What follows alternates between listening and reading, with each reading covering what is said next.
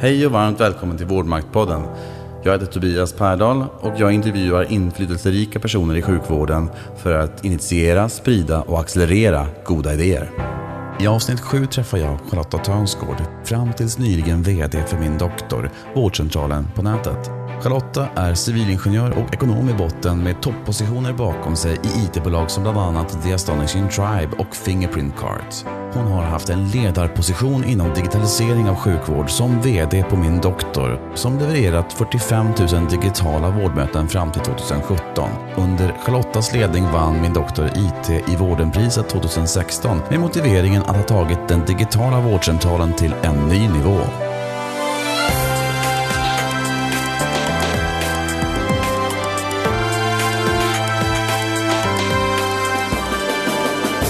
Idag talar vi om vad sjukvården kan lära sig av Sydkorea och den snabbfotade IT-branschen. Om ostoppbar digitalisering som flyttar makt till patienterna och om stora patientgrupper som kan vårdas mycket mer effektivt utan fysiska läkarmöten. Om artificiell intelligens i vården, ja, och mycket annat såklart. Varmt välkommen till Vårdmaktpodden Charlotta. Tack så mycket. Hur mår du idag? Jag mår bara bra. Det börjar närma sig jul. Ja. Eh, Det är jättebra, tack. Ehm, Stort grattis till framgångarna med min doktor. Eh, Det händer väldigt mycket just nu. Det är inte många vårdcentraler som kan skryta om att man har över 100 patienter om dagen som man besöker. Nej, vi har passerat det med råge nu dessutom, så att det känns roligt. Hur känns det att leda en av de större vårdcentralerna i Sverige? Jag tror att en sak som är konstigt, det är att eh, jag menar, vi, på ett par månader i våras så dubblade vi volymen. Och det märks ju inte så mycket här i huset, utan vi märker ju det på eh, kurvor som går uppåt och vi kan märka det på att det blir lite mer eh, interaktion med vår kundsupport. Men annars så, eh, så märks det ju inte så mycket här, vilket är ganska speciellt. Vad är det som gör att min doktor utan listade patienter har kunnat växa från noll till en stor, stor vårdgivare på bara något år? Jag tror att en sak är faktiskt det som är det fantastiska med min doktor, det är ju att vi å ena sidan ser vi ju en vårdgivare eh, med allt vad det innebär. Men å andra sidan ser vi ju faktiskt också liksom en, en digital startup. Och det är just i den kombinationen som det fantastiska händer. Och vi tittar ju på våra patienter och våra slutanvändare någonstans, precis som vilket annat digitalt bolag som helst. Det vill säga hur, hur möter vi dem, hur förklarar vi vår tjänst för dem och hur ser vi till att de, att de förstår att de kan dra nytta av tjänsten någonstans. Och jag tror att det är just i kombinationen av de här två som har gjort det möjligt för oss att, att växa på det här sättet. Eh, vad, vad är ditt första minne av teknik som gav dig liksom energi och som du tyckte var kul?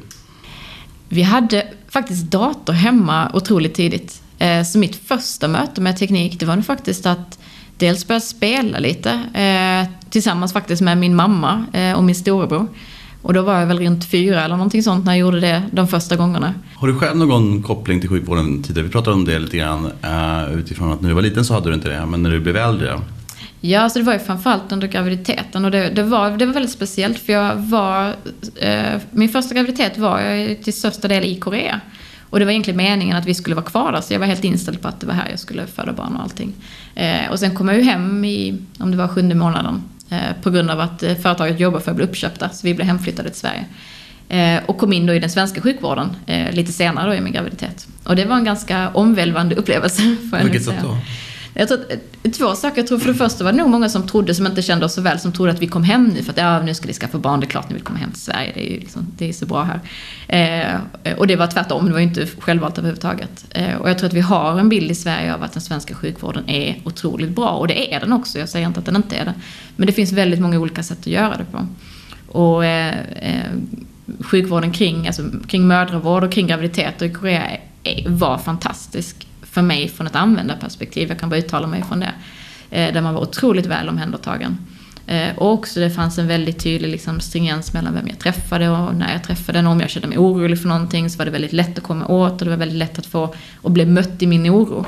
Eh, som jag tror att alla förstagångsmammor mammor kan, kan känna en, en samhörighet, att det är viktigt. Det kanske inte är medicinskt avgörande, men för mig som användare så är det otroligt viktigt. Du studerade till civilingenjör och ekonom.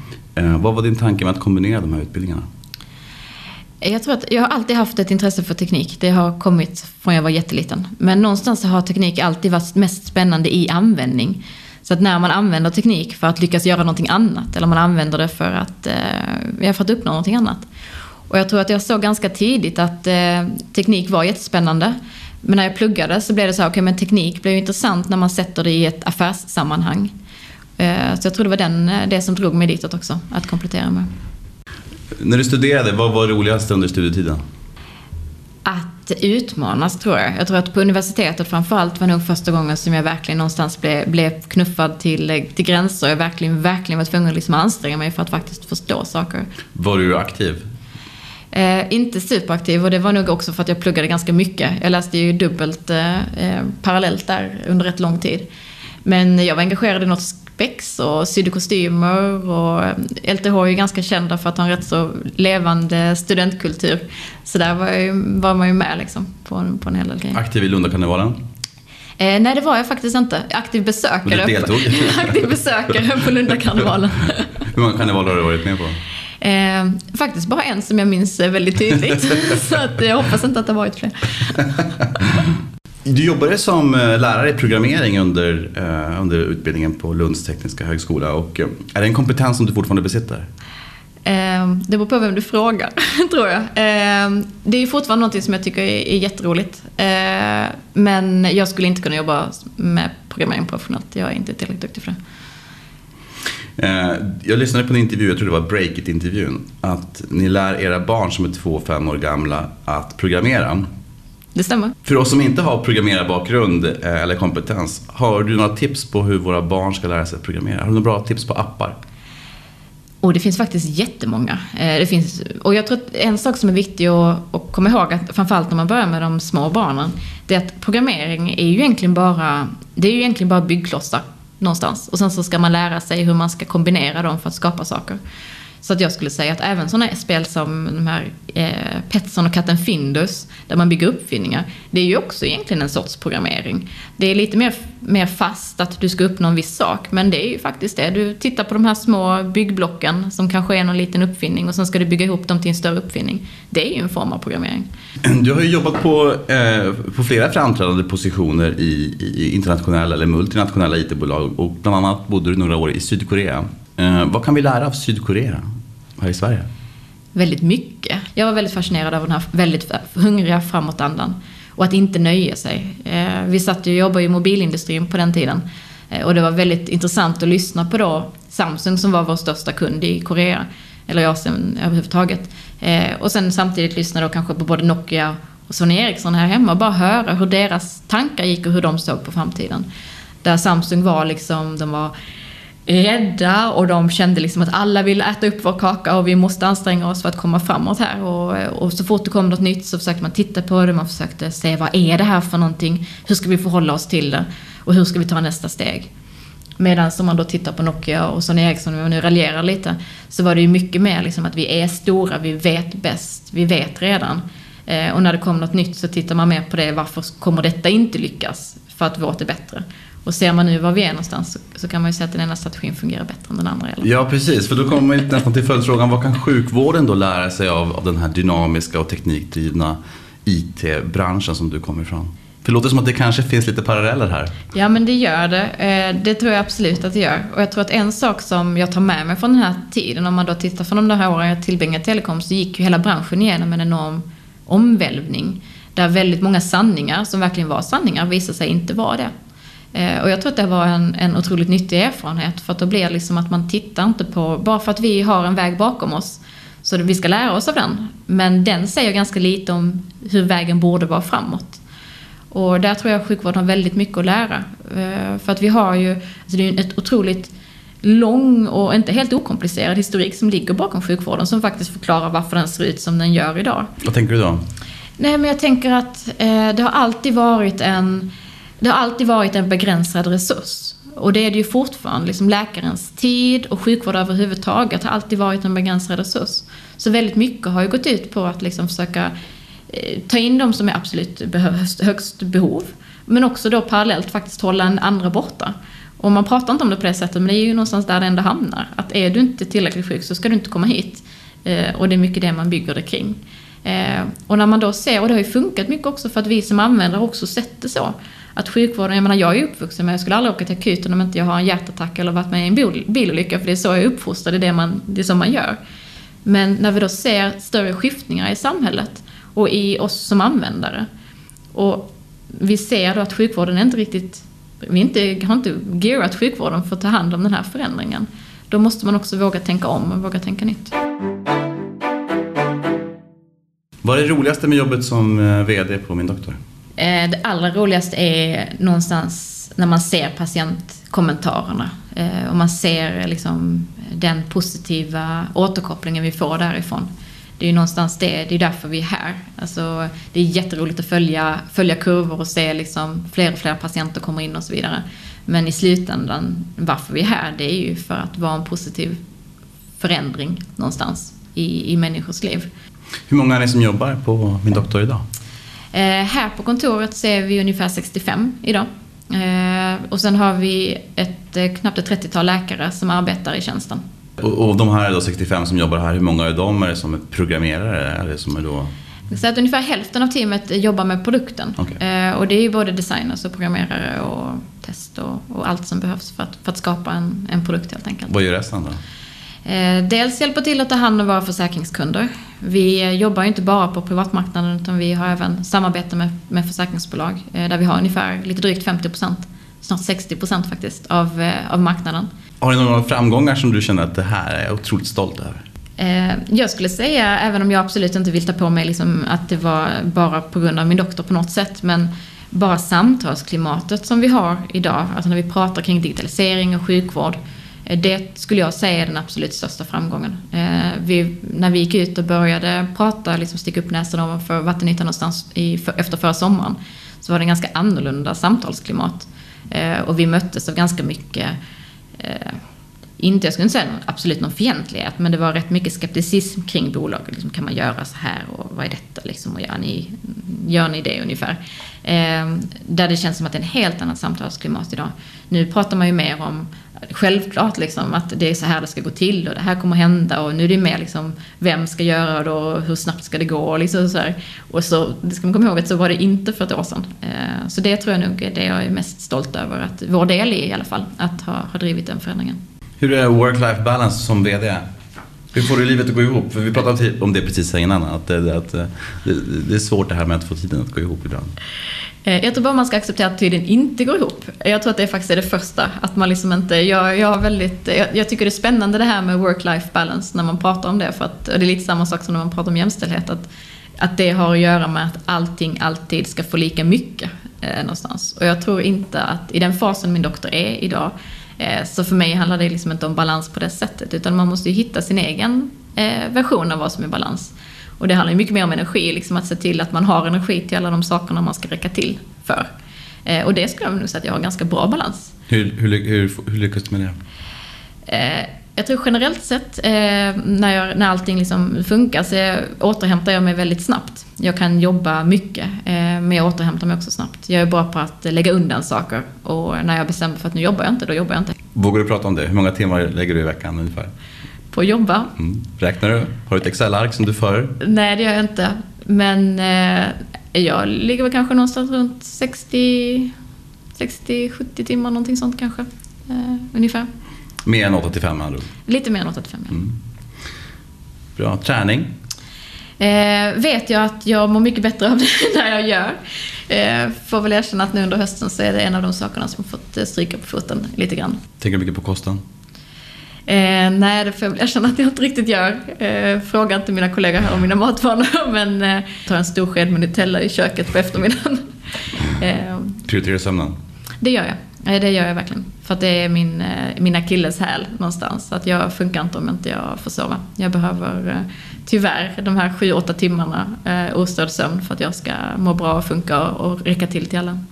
Känner du till Burning Man? Jag tänker säga att det är den här festivalen i, ute i öknen i USA. Eh, och det är det kanske inte alls. Det är det, absolut. Det är det. Ja, inne på Nevada så ja, finns en stor sån här festival som, ja, eh, som är då... präglad av kreativitet. Just det. många av de här IT-branschens ehm, ledstjärnor, Elon Musk och inte minst Google-grundarna, mm. de är ju alltid där. Har du funderat på att åka dit någon gång? Det har jag faktiskt eh, gjort. Sen så har det varit väldigt långt ifrån att, jag har aldrig varit på väg dit om man säger så, men eh, jo, och det var nog ett par år sedan när jag såg det första gången som jag blev väldigt fascinerad över hela ja, men konceptet och, och tanken kring det. Det är inte för sent? Nej, absolut inte.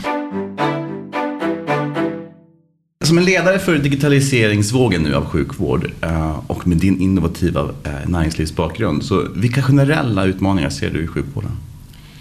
Eh, jag tror att en av de så här, övergripande utmaningarna kommer ju någonstans, det var, jag läste ett citat för nu bara för någon vecka sedan som var i princip att vi uppfann inte det elektriska ljuset genom att iterera på eh, stearinljus. Och jag tycker att det sammanfattar, det sammanfattar situationen ganska bra. Eh, och det är en utmaning inte bara i Sverige skulle jag säga, utan hela västvärlden. Där vi har liksom byggt upp en infrastruktur under väldigt lång tid. Eh, som nu många är beroende på. Det är en komplexitet i hur de systemen ser ut. Samtidigt så tror jag att, och det är inget, återigen inte någonting som jag tror bara vi ser, utan om man skulle börja med en blank papper så tror jag att många kan säga att okej, okay, det här är inte optimalt designat för det vi faktiskt vill göra nu och om tio år.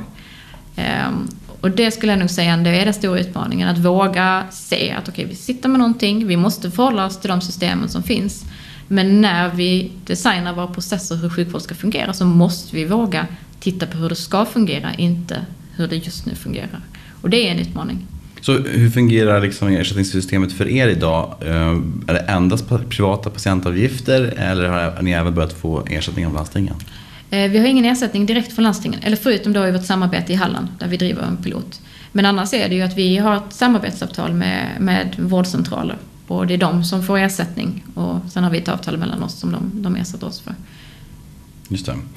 Uh, upplever du att det finns mer um, framsynta landsting än andra?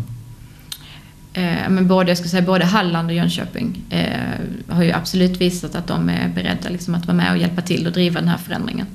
Eh, så jag skulle säga båda de, båda de två. Vad, är det som gör, tror du, att det är de just som är framsynta? Det är en bra fråga. Det är faktiskt en bra fråga. Jag kan inte, jag kan inte svara på det så här, eh, direkt. Eh, för de har ju inte riktigt den här glesbygd, glesbygdsproblematiken och det är inte de största regionerna liksom, med de största behoven på det sättet. Ehm, men vad jag har förstått i alla fall, nu är jag ju ny in i den här, eh, i den här branschen, men jag har förstått att båda de här regionerna har en tradition även tidigare av att just ligga lite i framkant och, och, och våga, våga prova. Sen är ju Halland en fantastisk region. Jag har, eh, vi, halva släkten kommer därifrån och vi har sommarstuga där, så det måste ju bero på det. Ni har ju en pilot pågåendes i Halland ehm, där ni hjälper till att avlasta akutsjukvården. Piloten, eh, piloten utökas ju nu, så nu kan alla de offentliga vårdgivarna, eh, primärvårdsgivarna, kan hänvisa patienter till min doktor i Halland under den här utökade piloten. Så nu är det inte längre bara akutsjukvården. Vilket var otroligt viktigt eh, från vårt perspektiv. För att det är inte riktigt i akutsjukvården som kanske min doktor hör hemma. Utan vi vill ju fånga patienterna långt innan man, man har åkt iväg till akuten. Möter min doktor något motstånd mot eh, digitalisering av läkarmötet? Vad, vad, vad kritiserar man? Alltså det är ganska lite diffust och ganska brett. Alltså jag tror den vanligaste, som, den vanligaste fortfarande, eh, framförallt från läkare, det är lite mer det här att ja, men kan man göra så här? Att det händer något magiskt när du tittar in i patienten i ögonen. Eh, och jag försöker inte säga att det inte gör det, det, gör det säkert. Men eh, det är viktigt att prata om att vi är ett komplement. Vi försöker aldrig och ska aldrig kompromissa eh, med att bedriva någon annan sorts vård på min doktor. Utan det handlar ju om att bedriva samma sorts vård och det innebär att vi kan inte göra allt. Utan vi har valt områden där vi, där vi vet att vi kan prestera bra. Men det är väl en, en vanlig... Och sen så är det ju liksom... Jag tror att vi blir lätt en symbol för annan frustration. Om man tittar från eh, liksom den befintliga vården så tittar man på oss och så blir det nästan liksom, varför får de göra det så här enkelt för sig någonstans? Hade vi också fått göra det så här enkelt för oss, då hade vi också gjort det. Men vi sitter fast i den här organisationen och i de här strukturerna. Och, och jag tror att den frustrationen, det har ju egentligen ingenting med oss att göra, utan det har ju mer att göra med den situationen man befinner sig i. Men där kan vi nog ofta bli symbol för det. Eh, och sen den sista rör väl i sådana fall överkonsumtion, liksom att det här ska driva någon sorts överkonsumtion av vård. Eh, och jag tycker den, som då kommer från någon helt annan bransch, tycker egentligen att den är ganska fascinerande. Alltså bara tanken på den, att, att man kan överkonsumera vård. Och jag tror att man ska, man ska se två saker där. Det ena är, det finns ju absolut en grupp människor som, som överkonsumerar vård, det vill säga att man, man har eh, ja, man, man, man söker vård mycket, mycket mer än vad som är befogat. Och det har vi ju redan i systemet idag. Det tror jag alla, alla vårdcentraler och olika enheter kan, kan vittna om den gruppen som faktiskt finns. Ehm, men sen har vi den stora gruppen där det finns ett, jag har en oro eller jag har någonting som jag, jag känner ett behov kring. Och att inte bli mött i det, för mig handlar inte om överkonsumtion. Sen ska du bli mött på rätt nivå. Ehm, jag gjorde jämförelse med den tidigare när vi, och man, mycket av det som min doktor gör, det liknar ju digitaliseringen som bankindustrin gick igenom.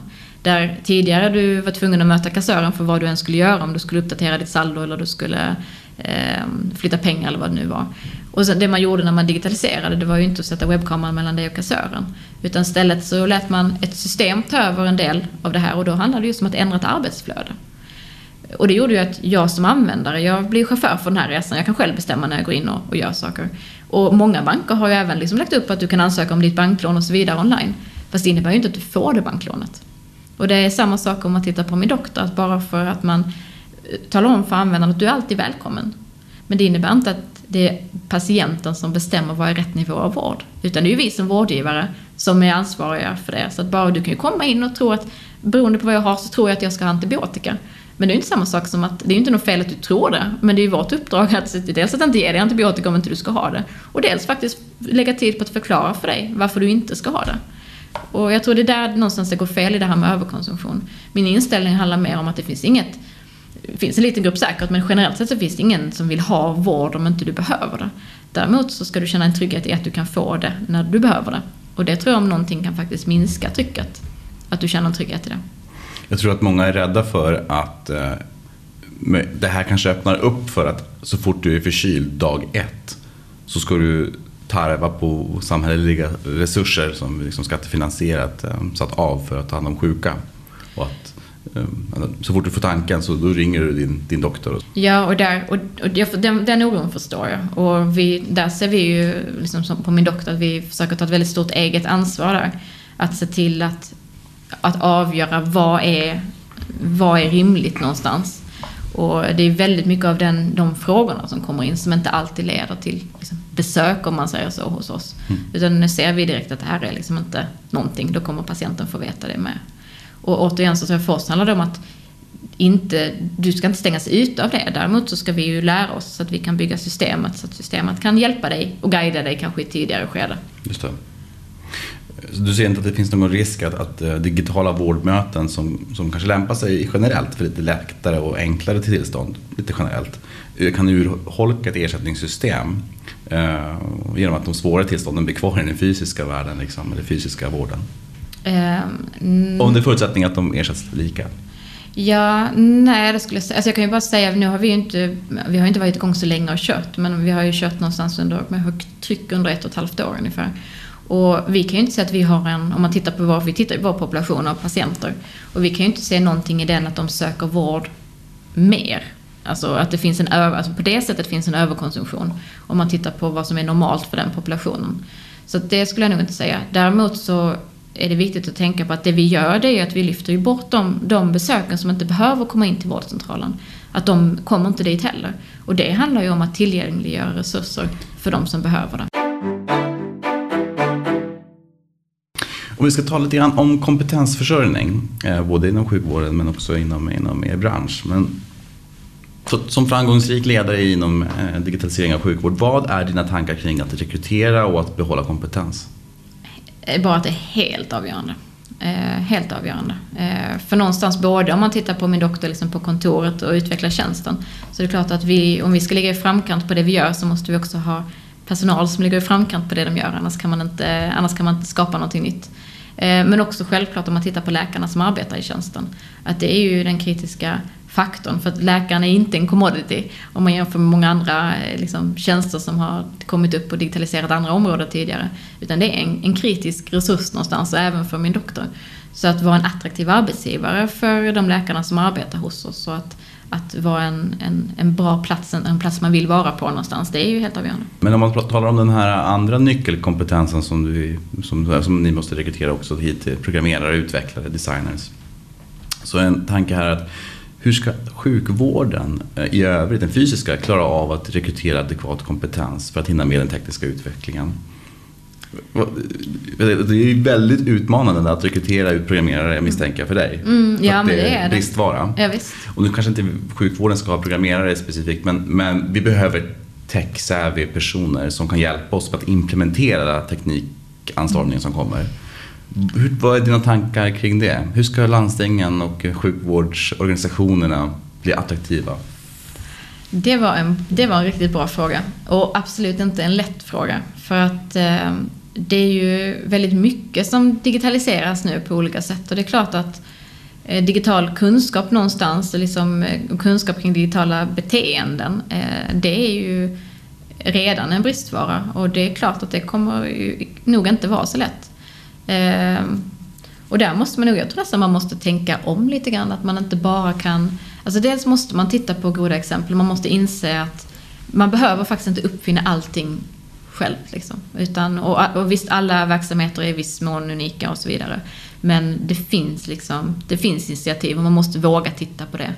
Eh, så att man inte tror att nu ska alla, nu ska alla sitta och utveckla liksom sina system på alla vårdcentraler i hela Sverige. För då kommer vi hamna väldigt snett tror jag. Eh, så att jag skulle säga samordning är nog enda sättet någonstans att komma runt det. Att eh, dels liksom få in det i, i, i någonstans i eh, kulturen i de verksamheterna man har. För att precis som vi pratade om Halland och Jönköping tidigare, så är det här väldigt mycket en kulturfråga. Att, hur, att detta är liksom ingenting, det är inget val, det är liksom inte att vi kan välja att digitalisera oss eller inte, eller att vi kan välja att möta patienter på sikt digitalt eller inte.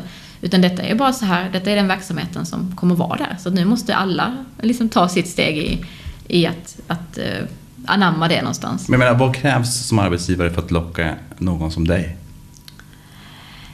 Um,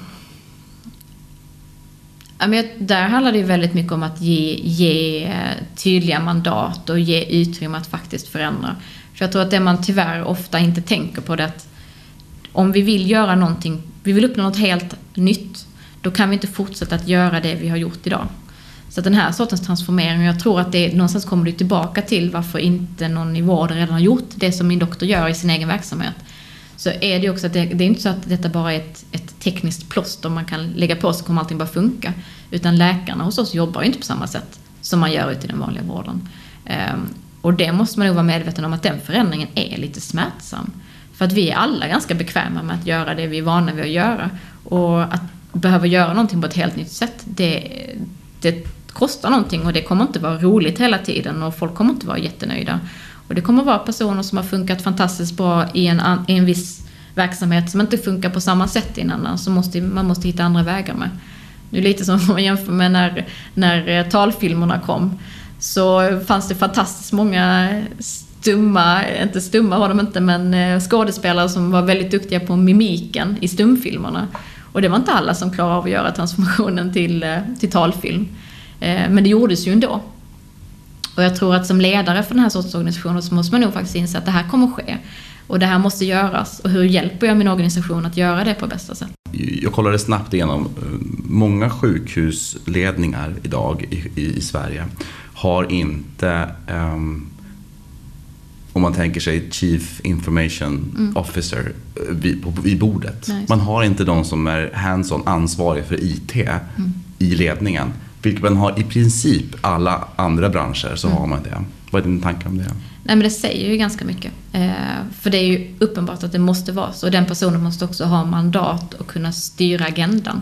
Det får inte vara det här liksom, eh, eh liksom klistermärket man sätter på för att det ska se bra ut. Utan man måste förstå att den personen måste ha mandat och, och styra agendan kring hur det här ska ske.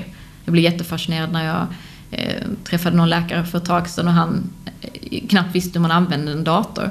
Eh, och det hade ju inte varit okej okay på någon annan arbetsplats än i vården tror jag. Att man inte, alltså, om jag skulle sagt att nej, men jag använder inte en, jag, jag vet inte hur man använder PowerPoint. Liksom. Jag hade ju inte kunnat ha mitt jobb om jag inte tar till mig liksom, någonstans de, de hjälpmedlen och tekniker som finns omkring mig. Och jag tror att i de flesta branscher kan du inte det. Du skulle inte kunna sitta på bank idag och säga att nej, men jag vet inte hur man använder Excel. Eller jag tänker inte lära mig det. Ehm, så det kanske är lite speciellt med vården, att jag tror inte det är åldern igen, utan mer att man har tillåts agera under ganska lång tid utan att ta in omvärlden ehm, när det gäller då teknisk utveckling, som, som faktiskt väldigt få branscher har tillåts göra. Det är väldigt få i sjukvården som vet hur man använder vare sig Excel eller PowerPoint. Det vet jag att det är. Och då skulle jag säga att liksom, det gör ju inte alla i alla verksamheter, men däremot skulle jag säga att det är väldigt få ledare jag har mött på någon nivå, i någon bransch, där inte det, man kan det. Sen är man ju olika bra på det, men jag skulle nog aldrig, jag har aldrig hört det tidigare. Att man skulle kunna bli chef någonstans och inte bemästra de här liksom grundläggande verktygen. Och det är klart att det, det smittar ju av sig någonstans, för det smittar ju också av sig i en, i en eh, om inte min chef kan detta, liksom, eller ser det som viktigt att behöva kunna detta. Eh, varför ska någon annan i organisationen någonstans göra det? Vissa menar att digitala vårdmöten är en stark drivkraft för en fundamental förändring i sjukvården där makt flyttas från sjukvården till patienten. Vad är dina tankar om det här maktskiftet? Jo, men det är det kan jag bara säga. Och jag tror inte så här, det är inte så att det är någonting som vi, som min doktor eller, eller Kry för den delen, att det är vi som driver det. Utan det är mer att det är en effekt av det skiftet. Och det är ju ingenting vi ser bara i Sverige, utan man ser på en global skala. Jag tror det kommer ganska naturligt av att dels att vi börjar ta mer ansvar för våra kroppar generellt sett. Jag menar, börjar du tracka vad du äter och din hälsa och hur du rör dig och så vidare, så är det ganska naturligt att du också börjar ta mer initiativ i din sjukvård. Eh, och det handlar nog som sagt mer om en, en, ett skifte i oss som digitala konsumenter, där vi förväntar oss mer kontroll. Läkaryrket som sådant går igenom en utveckling, lite det vi sett i läraryrket tidigare. Där läraren, om man går tillbaka 20 år, var ju auktoriteten som visste allt. Det, det, var ju där kunskapen fanns och så kom man som elev och man försökte lära sig så mycket som möjligt av den här läraren. Nej nu finns det ju inget område som jag som elev inte kan vara bättre på än vad läraren är. Och där kanske inte läraryrket riktigt lyckas med den transformationen, men jag hoppas att, att läkaryrket och vårdpersonalen lyckas med det bättre. Att, att kunna bli liksom mer än, fortfarande en auktoritet, fast kanske hjälpa till med källgranskning och inte ifrågasätta mig som patient, liksom, utan möta mig. Men det är ju inte samma sak som det var hur man agerade som läkare för tio år sedan. Initialt jobbade min doktor med privata eh, sjukvårdsförsäkringsbolag och det gör ni fortfarande. Och ni kunde snabbt effektivisera patientanläggningarna där. Kan ni berätta lite grann om hur det gick till? Hur många procent av patientfallen kunde min doktor ta över virtuellt, um, om man säger så? Um, ganska stora delar. Och det som är fascinerande att se är att eh, för de flödena vi har tagit hand om så ser vi att ungefär 80 procent av allting som kommer in kan också slutbehandlas hos min doktor. Och det var ju saker som innan gick 100% ut till specialist. Till en fysisk person? Till en fysisk, fysisk doktor? Ja, där vi nu kan ta hand om ungefär 80% av det flödet. Ungefär 20% ska fortfarande gå vidare. Men då kommer de ju vidare utredda. Mm. Och det, det är fascinerande. Det är väldigt fascinerande. Och eh, av de här som ni tar hand om, min doktor, så är det inte alla där som heller träffar en läkare virtuellt i ett videomöte? Det är väldigt få generellt sett skulle jag säga. Eh, jag har inte den senaste siffran på det, men ungefär 5-10% av de fallen som kommer in till oss, eh, där väljer läkaren att ta antingen ett telefonsamtal eller ett videosamtal.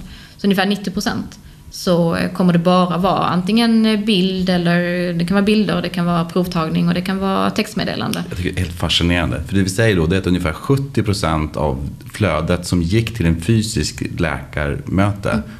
löser man på annat sätt nu. Mm. Och, och det som blir fascinerande med det, det är ju att eh, en av de ganska vanliga kommentarerna vi får från, eh, från patienter när vi då tittar på användarenkäter är att jag aldrig känt mig så här sedd i sjukvården tidigare. Och det är ingen som har tittat på dig. Det är ingen som, du har aldrig tittat på någon och det är ingen som har tittat på dig. Men att just det här med att, vad är ett möte och vad är värdet i ett möte? Att det är så lätt att vi tror att det är det här, den här fysiska kontakten och att det är att man har sett någon i ögonen. Fast det är det ju inte. Att vara sedd, att känna sig sedd, det handlar ju lika mycket om att någon har kunnat ta till sig all information som var relevant kring dig innan man sätter sig ner och pratar med dig. Eh, och det är så mycket annat kring det liksom som bygger upp vad är mötet? Eh, så det tycker jag själv är en rolig, rolig effekt. Väldigt, väldigt fascinerande att, att, att, eh, att inte man i sjukvården själv har gjort det här, tycker jag. Ja, men det är ju, och, och sen så är det ju liksom så, det är ju alltid lätt när man, när man ser någonting funka någonstans. Mm. Så är det ju, men jag kan väl bara hålla med dig att jag är lite Men du, vilka, vilka symptom och liksom eh, tillstånd fokuserar min doktor på i, huvudsak? Nu är inte du läkaransvarig så, eller vårdansvarig så, men, men generellt. Därför får du min icke-medicinska ja. förklaring på detta. Då skulle jag säga att vi, vi hanterar det som där du i grunden är frisk, fast nu har du ett problem. Det är min beskrivning på det. Och det är ju allt från det är ju rinvägsinfektioner och det är halsont som inte har gått över, det är utslag och det är magont och ja, den sortens problem. Och uh, hur Vet ni var ni ska skicka patienterna om man måste remittera dem vidare i systemet? I dagsläget så kommer vi remittera dig tillbaka till din ordinarie vårdcentral. Så vi hjälper dig med en, en remiss dit. Okay. Eh, och det är också att inte systemet är inte uppbyggt för oss att kunna... Hade vi kunnat skicka remisser vidare ut så hade vi gjort det. Och sen är det också lite att eh, vår bedömning nu är att du ska liksom inte ha din kontinuerliga relation. Den har inte du med min doktor på det sättet. Så om det är så att vi börjar med en utredning och vi, vi, vår, vår policy generellt sett är att vi gör, om vi, vi ska tro att vi kan hjälpa dig för att vi ska göra saker. Om vi från början kan avgöra att det här är inte, det här är inte rätt för digital vård, då kommer vi direkt försöka hänvisa det vidare. Generellt sett så, om man tittar, om man tittar på ett flöde normalt ser ut, mm. så är det att ja, men du, du svarar på frågorna på nätet och det är ju liksom intervjun som läkaren har designat. Du börjar med att ge den informationen, du kanske tar någon bild om det behövs och så vidare. När du är redo så skickar du in det till oss. Och då kommer läkare ta emot det, kommer läsa in sig på vad, vad du har delat för information och sen kommer läkaren kontakta dig.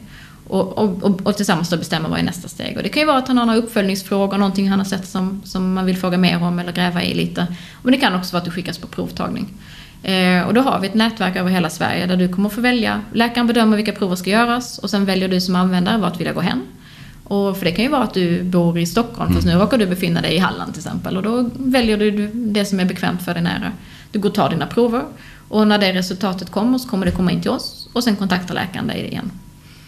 Eh, och det skulle ju kunna vara så att det är någonting då som man upptäcker som, ja men det här, det är kanske någonting annat. Eh, och då, då säger vi i dagsläget att då ska du inte ha den om, du, om det skulle visa sig att du börjar på en, du är i början på en ny resa som kommer ta lite tid och som kanske behöver mer utredningar, då ska du inte göra det med en digital vårdgivare. För vi är verkligen en enskild digital vårdgivare, utan då ska du ha den relationen med din, din vanliga vårdcentral. Så det är den, den gränsdragningen vi har gjort idag. Ett väldigt tydligt kompletterande alternativ alltså? Exakt. Hur många patienter har min doktor hjälpt idag? Vi har passerat 40 000 patienter idag. Om fem år? Eh, om fem år så... Eh, vad säger grafen som du har hemma? Den eh, grafen tänker jag inte tala om vad, vad den visar. om man tittar på bara schablonisera så kan man säga att vad vi har förstått när en annan vårdgivare har tittat på min doktor och liksom gjort lite utredningar så sa de till oss att ungefär 20% av de primärvårdsbesök de har idag skulle rakt av kunna gå till min doktor. Utan några förändringar av vår tjänst, utan precis som det funkar idag skulle 20% kunna gå till oss. Och då ska man komma ihåg att de 20 procenten, de borde verkligen alltid gå till oss. För vi kommer alltid vara tillgängligt för, från användarperspektiv och vi kommer bedriva vården effektivare än vad man gör vid traditionellt möte. Det enda som avgör det är egentligen om inte användaren känner sig redo och inte vill. Liksom. Annars borde de gå till oss. Mm. Eh, och då rör det sig om kring 9000 primärvårdsbesök om dagen. Eh, så det är rätt stora volymer. Eh, vänta nu, ska se. Är det då baserat på att det är ungefär 15 miljoner primärvårdsbesök om året? Jag tror 17 miljoner, jag vågar inte nu 17, säga. Jag tror jag mig att det är ungefär 17 miljoner som man säger vi har primärvårdsbesök. Mm. Och då 20 procent av dem.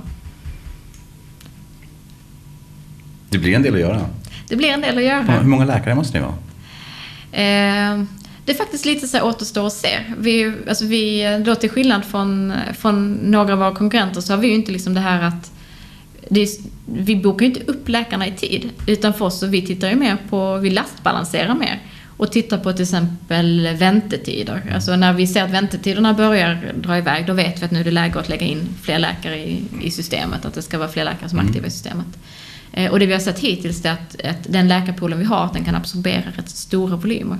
Och det handlar just om att i, det kan hända att ett förlopp, det kan ju vara, det kan vara över några timmar, eh, men det kan också vara några dagar om det är provtagning.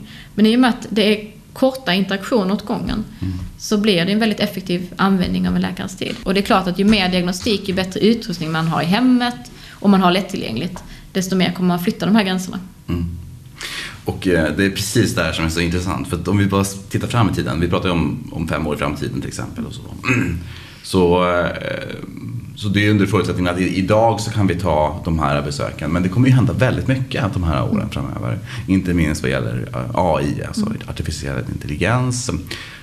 Watson kanske kommer in här som en lirare i det här sammanhanget. Som är en, en, en IBM-produkt som, som, som är en smart dator. Vad är dina tankar om det? Eh, bara jättespännande. Alltså det finns ju redan, alltså, och det finns så...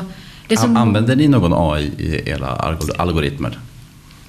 Eh, det är ett, eh, som, som ingenjör så är det här liksom ett så här väldigt eh, ett speciellt område. Jag skulle säga att vi använder ett, eh, ett beslutsstöd som lär sig efterhand som ju fler patienter vi använder desto bättre blir vårt beslutsstöd.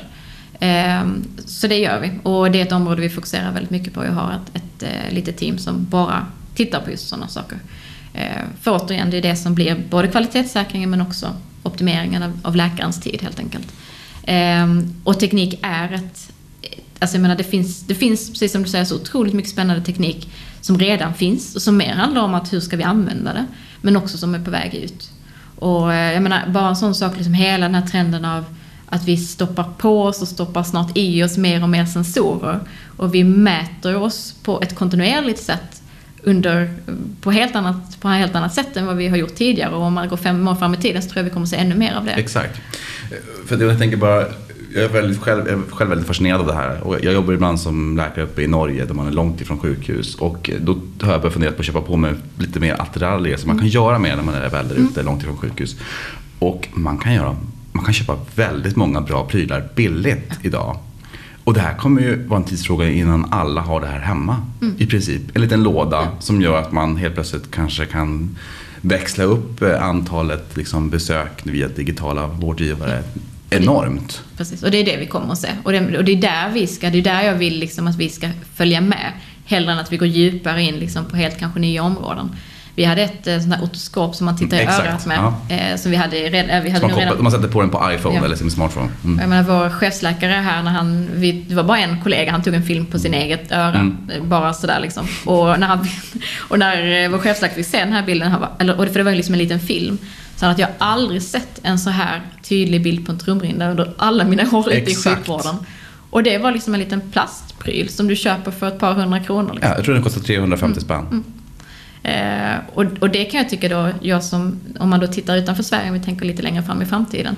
En sak som är väldigt intressant, det är om man då börjar titta i de länderna som faktiskt inte har infrastrukturen vi har i Sverige. Precis. Vad man kommer kunna göra med extremt små medel är att bygga upp liksom en väldigt, väldigt god eh, sjukvård kring just att inte då behöva bygga upp allting vi har gjort ja. här, utan verkligen bara hoppa över och säga att okej, okay, men vad har vi i den här lilla boden, här har vi en volontär och här finns några, några prylar liksom. Så otroligt mycket spännande saker vi kommer kunna göra. En annan reflektion är, jag jobbade en kort period i Tanzania, i Dar es Salaam, men reste mycket omkring i, i, i landet. Och alla har smartphones idag. Mm. Ute i, även om man är fattig så har man mm. smartphone. Och det betyder att helt plötsligt kommer de här kunna froglipa mm. hela den här biten också. Och få tillgång till, till läkarkompetens för de här vanligaste tillstånden som de också har. Precis. Men som leder till mycket värre konsekvenser för just de här. Exakt. Och det var, jag var på en konferens i London i våras eh, och, och pratade bara lite allmänt om, om digital sjukvård och vad vi gjorde då i Sverige. Och efter det så kom en man upp till mig från, jag för mig att han var från Nigeria. Eh, och verkligen sa så här, för, och frågade direkt liksom, okej okay, men hur tänker ni på eh, expansion utanför Sverige? Så sa jag att ah, men vi tittar lite så på Europa och lite så här. Och han bara, men varför gör ni det överhuvudtaget? Det är ju liksom Afrika du ska komma till. Eh, och då är det just det, och vi så, såg ju det i mobilindustrin, att man hoppar ju bara över, det är ingen som gräver ner kablar. liksom. Det är ingen som bygger den infrastrukturen. Men självklart gick man ju direkt på mobiltelefoner. Och, och det han sa ju det att även om vi skulle vilja bygga upp infrastrukturen som finns i Europa, det går ju inte. Vad ska jag få tag i? 9000 läkare liksom ska utbildas per år de närmaste fem åren kommer aldrig hända. Exakt, det kommer aldrig hända. Och dessutom funkar inte ert system, så Exakt. varför skulle jag vilja bygga det så? Så att jag menar om man tittar på min liksom så här, drömmen och var jag har blicken inställd så är det klart att det finns väldigt många ställen jag tror vi kan göra väldigt mycket gott på. Eh, vi är inte riktigt där än, men eh, det är dit vi ska. Har du en kännedom om virtuella vårdmöten i andra länder? Ja, det finns en hel del. Och framförallt om man tittar på dels eh, rådgivning eh, på olika sätt, men också bara ja, digitala möten. Jag skulle säga att eh, Eh, Storbritannien med Babylon Health Eh, tycker jag i alla fall är jättespännande. Vad vi hör är att de inte har fått, eh, de har inte riktigt fått volymer i det och det kan jag inte svara på varför. Men det sättet de har angripit typ det på är ju väldigt spännande. Eh, vi hade ju Midok i, från Finland tidigare, men som nu har valt att lägga ner den delen av verksamheten som jag förstår och fokusera mer på, på det Visiba gör och vara teknik, liksom plattformsleverantör. Men, men Charlotta, jag måste inte fråga. Jag känner att jag blir så förvånad, för nu har jag, jag har lärt mig mycket om det här och pratat med en hel del av er och läst på. Så det här, jag vet att det här kommer hända. Men de allra flesta som jag känner inom sjukvården, inklusive höga chefer, de börjar kanske ana, men många förstår inte riktigt det här. Det tycker jag var det roligaste. Jag var i Almedalen för första gången i somras, jag har aldrig varit där tidigare. Eh, och det var väldigt positivt. Det var väldigt mycket, vi lyftes fram som ett gott exempel och det var mycket prat om digitalisering. Men det jag tyckte var fascinerande när jag lyssnade på många av de här väldigt kunniga seniora panelerna, det var ju att de verkar fortfarande tro att de har liksom ett alternativ och en kontroll över det här, den här transformeringen. Eh, vilket är lite roligt kan jag tycka. För att min, min bild är ju inte alls det, utan detta pågår ju nu. Utan det handlar ju mer om, okay, hur gör vi detta så snabbt som möjligt? Hur anpassar vi oss till det som redan händer? Inte det här liksom att, ja men nu har vi förstått det här, så nu ska vi tänka lite. Och sen så, så 2018 så ska vi börja göra bra saker här. Det är ju inte det som kommer hända. Och det, det kan jag väl mest bara titta med lite fascination och, och fundera över hur de kommer vakna. Om ett par år så kommer det här ha hänt och de kommer undra jag tänker lite på en sak som Nokias VD sa när eh, det var ganska nyligen i någon av, jag tror det var när de började stänga ner vissa av verksamheten.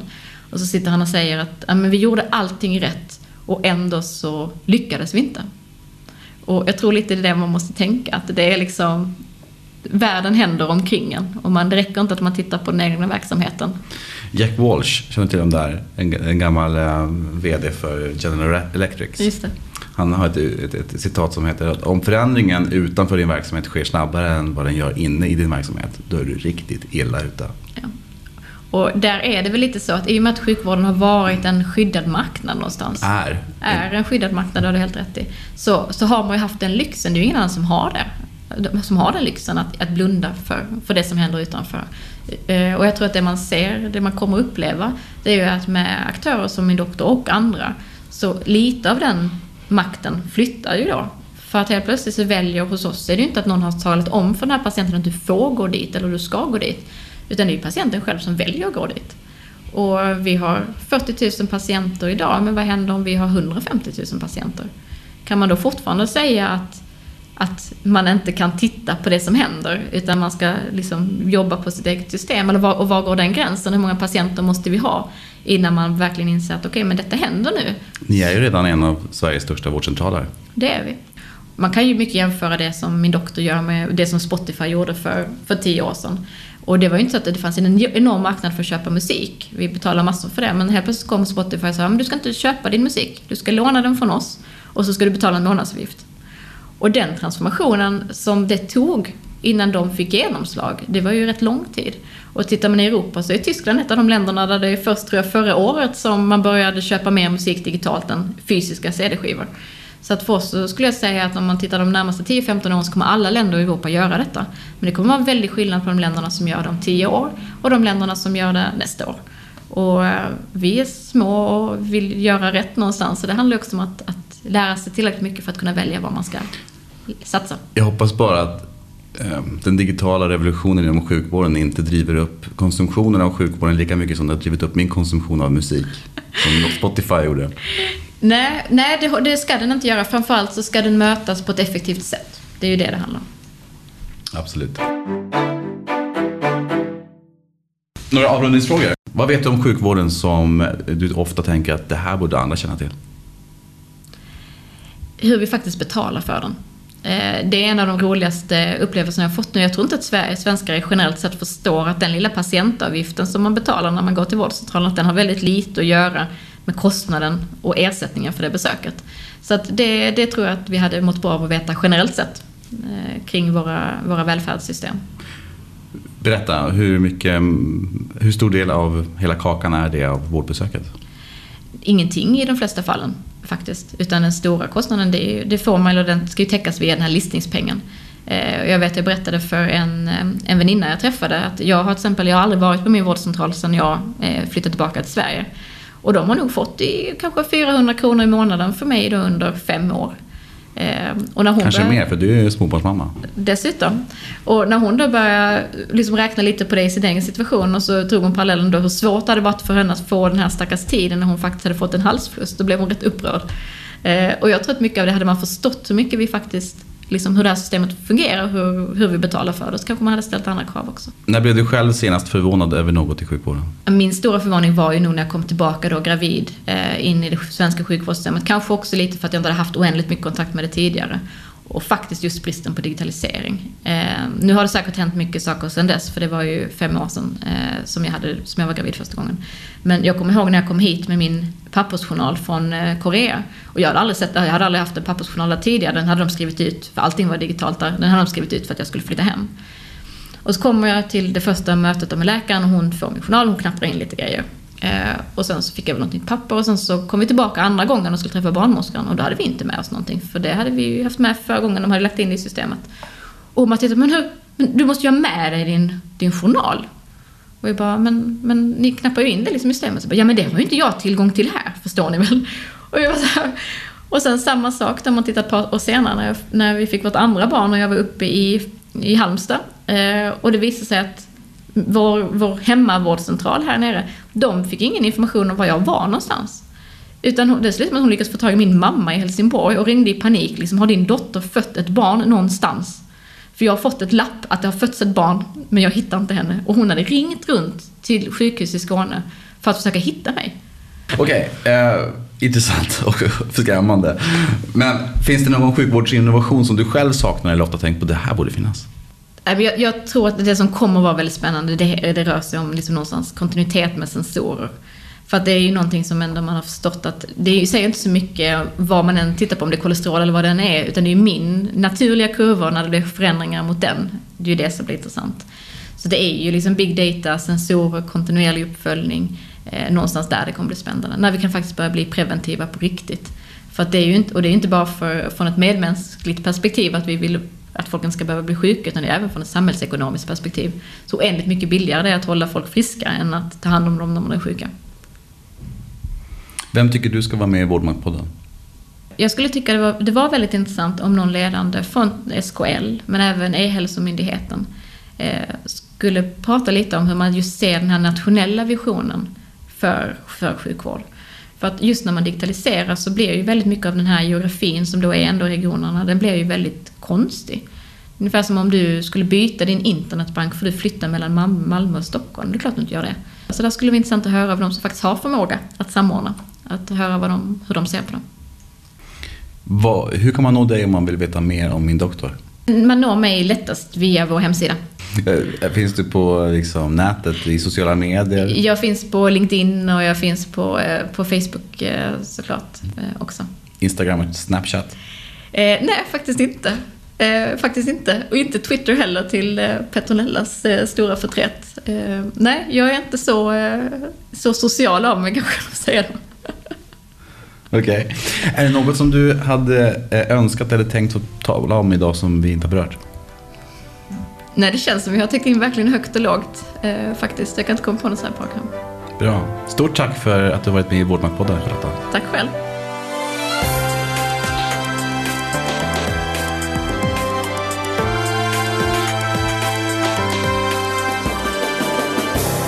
Jag hoppas att samtalet med Charlotta Tönsgård gav dig nya tankar, så dela gärna med dig om vad du tycker och tänker på Vårdmaktpoddens Facebook-sida. Och i nästa avsnitt så träffar jag Daniel Forslund, liberalt innovationslandstingsråd i Stockholms läns landsting. Och jag hoppas att du vill lyssna på oss. Det börjar med ett samtal, sen är det upp till dig och mig.